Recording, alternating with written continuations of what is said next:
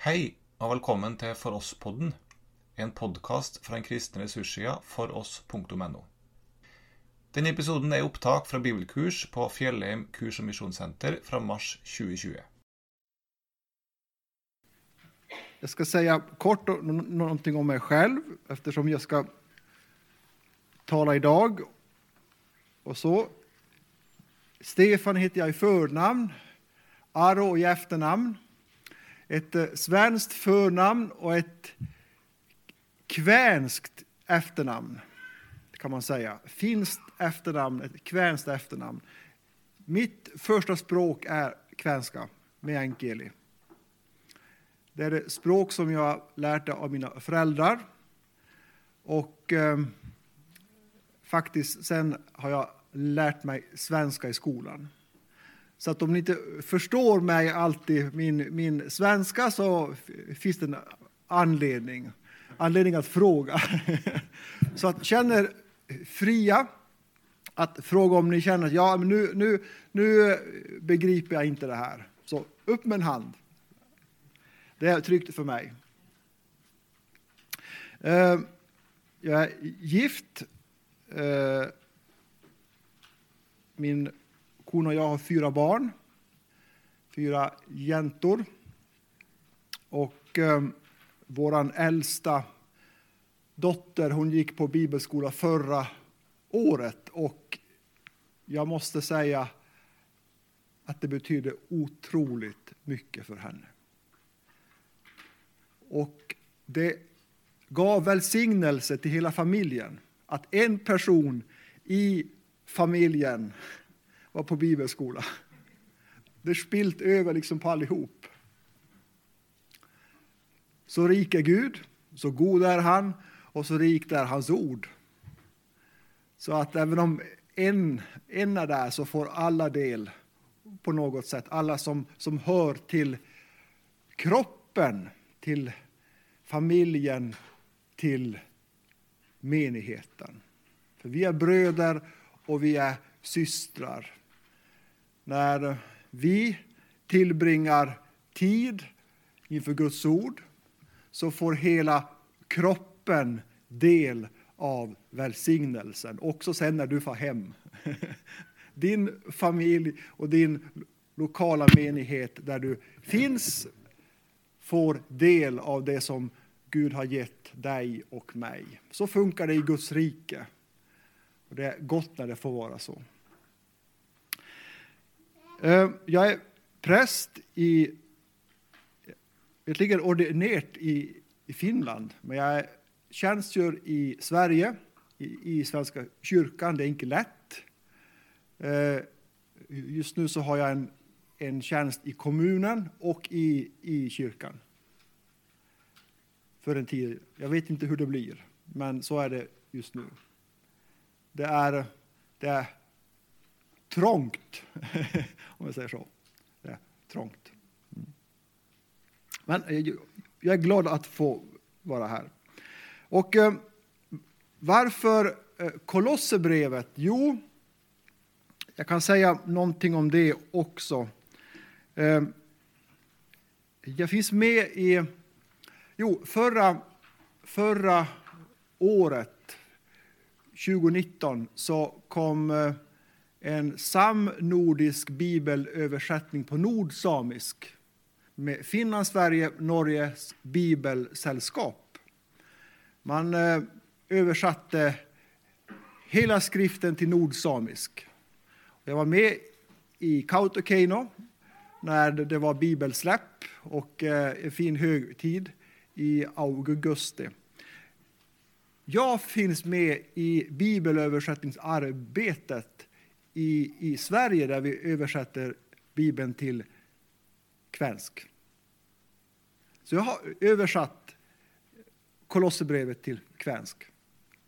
Det är ingen bra översättning, jag vet, jag jobbar på den fortfarande, men, men, men det var en, en, en nåd att få sitta med ett brev väldigt länge. Och nästan titta på varje ord, men samtidigt se hela, hela boken, hela brevet. Och um, utifrån det, det mötet, det arbetet så, så tänker jag att jag ska leda er eh, och Gud får leda oss, för det behövs alltid. Eh, några timmar i Kolosserbrevet, en vandring i Kolosserbrevet. Och Tor och jag kom fram till en rubrik där han sa, ja det här blir bra, det jag mistet har Kristus vunnit tillbaks. Det är rubrik för dessa timmar. Innan vi öppnar Bibeln så ska vi be. Herre Jesus Kristus, Guds son, världens frälsare. Vi tackar dig Herre för att, för att vi får börja denna vecka, denna uke tillsammans. Att vi får göra det med öppna hjärtan och med förväntan på dig, Herre. Vi får rikta vår bön och våra behov, Herre, till dig. Du, Alina, kan ge det som du ser att vi behöver just nu. Tackar dig för ditt ord. Tackar dig för att det är levande och verksamt, skarpare än ett tveeggat svärd och som kan skilja ben och märg, själ och ande och uppenbara hjärtats innersta tankar. Herre, vi ber att, att din son får, får lysa fram och att vi får, får tjäna honom. I dina händer, gode Fader, i Jesu namn. Amen.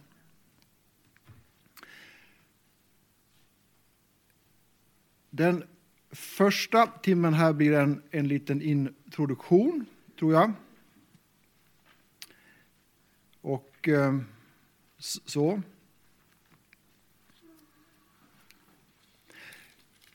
Jag brukar påminna, heter det så? Nej, det, komma ihåg. Huska heter det, eller hur? Ja. Eh, mina konfirmander att Guds ord är i första hand en bok om Jesus. Det första varvet som vi läser Guds ord så är det Gud som uppenbarar sig. Hans son, hans vilja, hans frälsningsvilja. Det är en bok om honom. Det andra varvet, när vi läser Guds ord, det, då handlar det om oss. Men det handlar först om Gud, först om Jesus. Därför är det inte ett krav, utan en gåva, ett privilegium att läsa Guds ord. För det handlar om, om det Gud vill ge till dig och mig.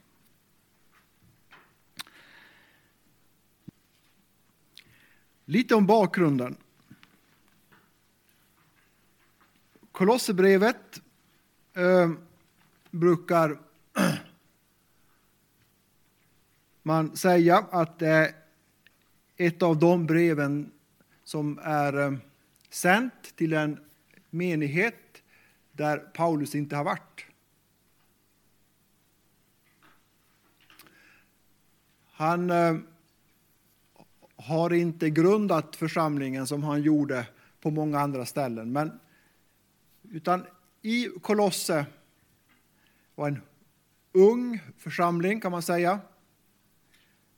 Som Paulus inte hade besökt. Och så kan det vara också för oss ibland att man kan ha relation till en församling, till en menighet som man inte har besökt. Men man har hört om, hört gott om. Och man kan känna fällskap ändå. Paulus han när man läser Kolosserbrevet så kommer det fram att han, han har inte varit där. Han har skrivit det här brevet och traditionellt så har man sagt att ja, det var under tiden han satt fängslad i Rom, 61 till 63 efter Kristus. Ehm, Kolosserbrevet har likheter med ett annat brev och det är Efesierbrevet. Man brukar säga att Kolosserbrevet och Efesierbrevet är syskonbrev, ett systerbrev. Innehållet är väldigt likt. Och eh, situationen för Paulus när han skriver det brevet är väldigt lik.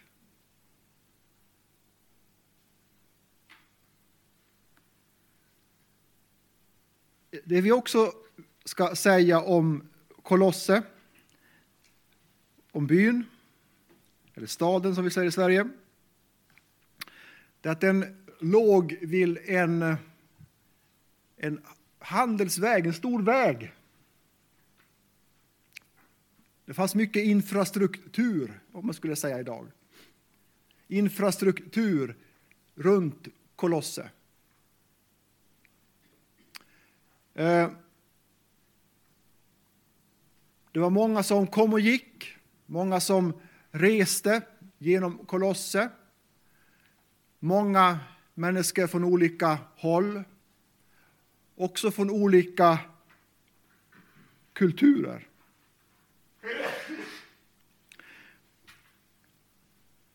Man kan säga att Kolosse fanns i en mångkultur, det var mångkulturellt, Kolosse.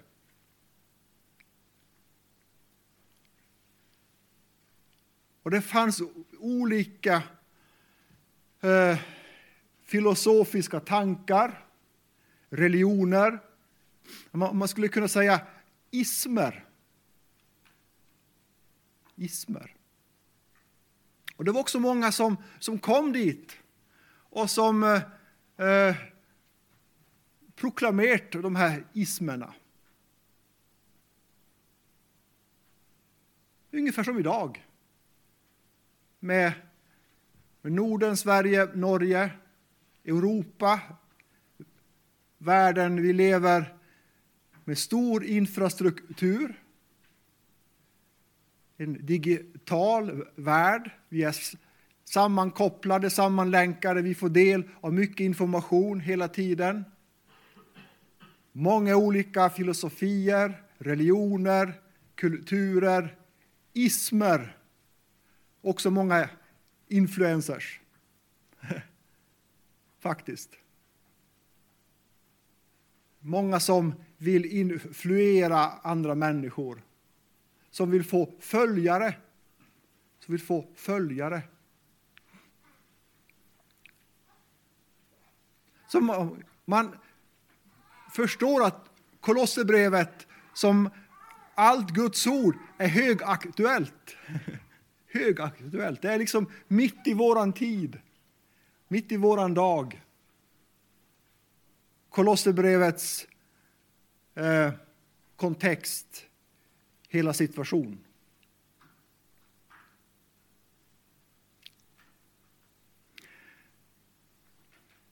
Man kan säga att bland de här ismerna, och det, det här är spännande, för att när man läser gamla kommentarer, gammal forskning om situationen i Kolosse så är det ingen heltäckande beskrivning.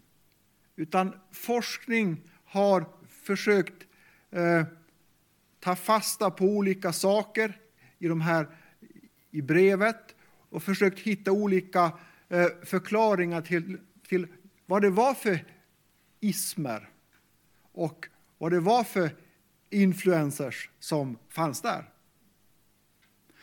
Men man kan säga att det om man förenklar, för det ska man göra, tre sådana här ismer eller eh, strömningar som kom.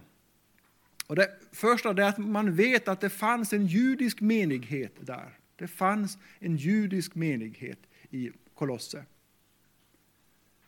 Det talas bland annat om omskärelsens betydelse i Kolosserbrevet.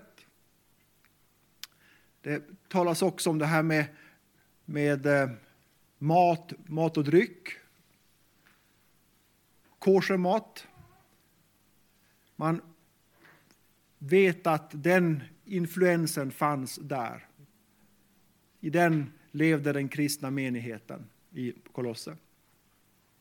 Det andra är att man också se att det finns grekiskt tänkande. Det man ibland kallar för gnosticism. Och gnosticism, det är, det är inte lätt att förklara för det, det är eh, på en och samma gång väldigt specifikt och väldigt diffust. Det är allt och ingenting. Eh, det skulle man kunna säga att i det man säger för gnosticism, eller grekiskt tänkande, det finns det som också finns idag i våran tid, det man kallar för new age, alltså nyandlighet. Ni vet vad jag menar, nyandlighet. Okultism. Okultism. Eh, bland annat omnämns ängladyrkan i Kolosserbrevet. Att man söker ledning från änglar. Med. Och änglar står de i Bibeln, det är gott. Men änglar har sin plats. Och änglar tar inte Guds plats. Nej. Men i grekiskt tänkande fanns en fascination över änglar, änglars ledning. Man vände sig direkt till änglar. Sen finns också för det tredje någonting som man kan kalla för en slags mysticism eller ja, en slags österländskt inflytande. Och eh, jag tror att jag kommer till inslagen sen, men också i vår tid har vi inflytande från österländska religioner. Från hinduism och buddhism. Och eh, i, i Sverige, jag vet inte hur det är i, i Norge, men i, i, i Sverige så har vi en, eh, en eh, debatt om, eh, om yoga i kyrkan. Yoga i kyrkan. Och eh, ja, vi förstår. det är inte enkelt.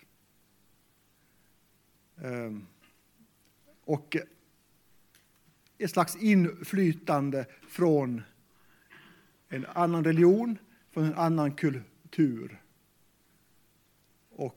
Där man inte riktigt vet vad är det här för någonting. Är det religiöst eller är det inte det? När du frågar en eh, eh, som, som eh, kan mycket om det, säger att det är inte religiöst, det är en träning, okej. Okay. Och, någon annan säger ja, det, oh, det är religion. Det finns ingen, ingen yoga utan, eller det finns ingen hinduism utan yoga. ja. Eh, det här är inga lätta frågor, ni förstår. Och jag, jag är inte här för att uh, fälla domar, Nej, men för att lyfta upp det här. Vad fanns i Kolosse? Vad finns i våran tid?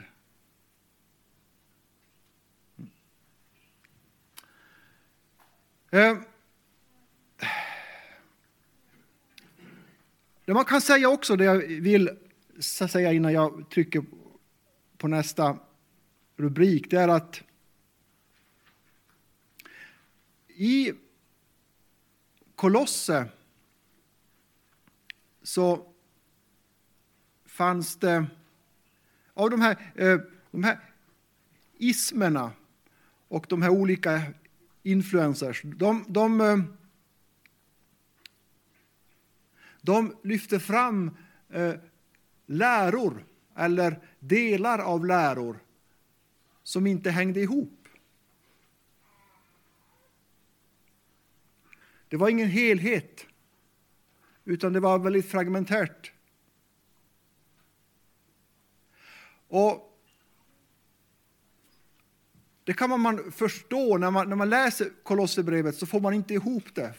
För det är, det är allt och ingenting. Det är, det är allt möjligt. Och därför tror jag också att, att bibeltolkare som har, som har arbetat mycket med Kolosserbrevet har eh, också förstått att det här, det här är ingen logik i det här. Det är, det är olika företeelser och de hänger inte ihop. Och så när jag tänker på våran tid idag så är det så. Det är olika ismer, olika läror, olika delar av läror. Det är som att våran tid är som ett smörgåsbord av olika läror som man får plocka. Jag tar lite det och så tar jag lite det och så där. Det är ungefär som när vi går och äter, äter frukostbuffé. Ja, vad ska jag ta idag? Jag ska ta lite sådär. Så jag, jag bestämmer över min religion, över min andlighet. Jag plockar från ett smörgåsbord.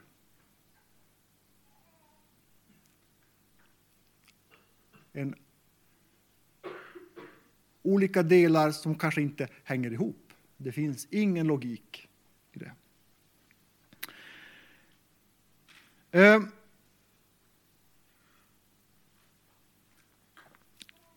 I brevet så nämns en medarbetare, Epafras. Och eh, det är min konstruktion, men jag, jag tänker när jag läst Kolosserbrevet och försökt tänka in i Paulus situation, så tänker jag att om inte Paulus själv har varit i Kolosse så har han fått någons berättelse. Och han omnämns i alla fall två gånger i brevet. Epafras. Och jag tänker att han har kommit dit. Han har, han har hälsat på Paulus i fängelset. De har mötts. Och så har hans berättelse om situationen i Kolosse berört Paulus. Så han, han börjar skriva ett brev. Han får nöd. Att Paulus har nöd för menigheten, det förstår man av inledningen, för det där är som en bön. Både tack, men också bön om vägledning framåt. Paulus han eh, skriver i det här brevet som ett svar. Ett svar liksom på alla de här fragmenterade lärorna, ismerna, allt som fanns där i, i Kolosse. Så skriver han ett otroligt Kristuscentrerat brev. Kanske det mest Kristus eh, centrerade, fokuserade brevet med, med en massa eh, alltså, delar eller eh, sidor av Kristi gudom. Vem Jesus Kristus är. Så mot de här olika lärorna så lyfter Paulus fram Jesus, personen Jesus Kristus. Och så säger han så här. Ty Gud beslöt att låta hela sin fullhet bo i honom. Det finns i första kapitlet i den 19 versen. Paulus säger att Gud beslöt hela fullheten, Guds hela fullhet, bo i Jesus Kristus. Allt finns där, i honom, säger han. Du behöver inget annat, säger han. Utan han. Det är nog. Det är nåd. Och utifrån det så kan man säga att både det första och andra kapitlet, där är fokus, utgångspunkten, våran position. Våran position. Vem Kristus är och vad vi äger genom tron på honom. Våran position. Det andra kapitel 3 och 4 kan man säga. Där är utgångspunkten vår vandring. I Kolosserbrevet 2, vers 6 står det. Liksom ni tog emot Kristus Jesus som Herre, så vandra därför i honom. Lev i honom. Det är ju bara fyra kapitel. Men man kan dela upp dem så här. Vår position och vår vandring. Först gåvan och sen efterföljelsen. Först nåden och sen får nåden forma dig och mig. Och det är gott att det är så, för så är det, så är det i Guds rike. Så är det alltid i Guds ord. Du har nu hört upptag från bibelkurs från Fjellheim kurs- och missionscenter. Du finner många andra upptag med undervisning på foross.no.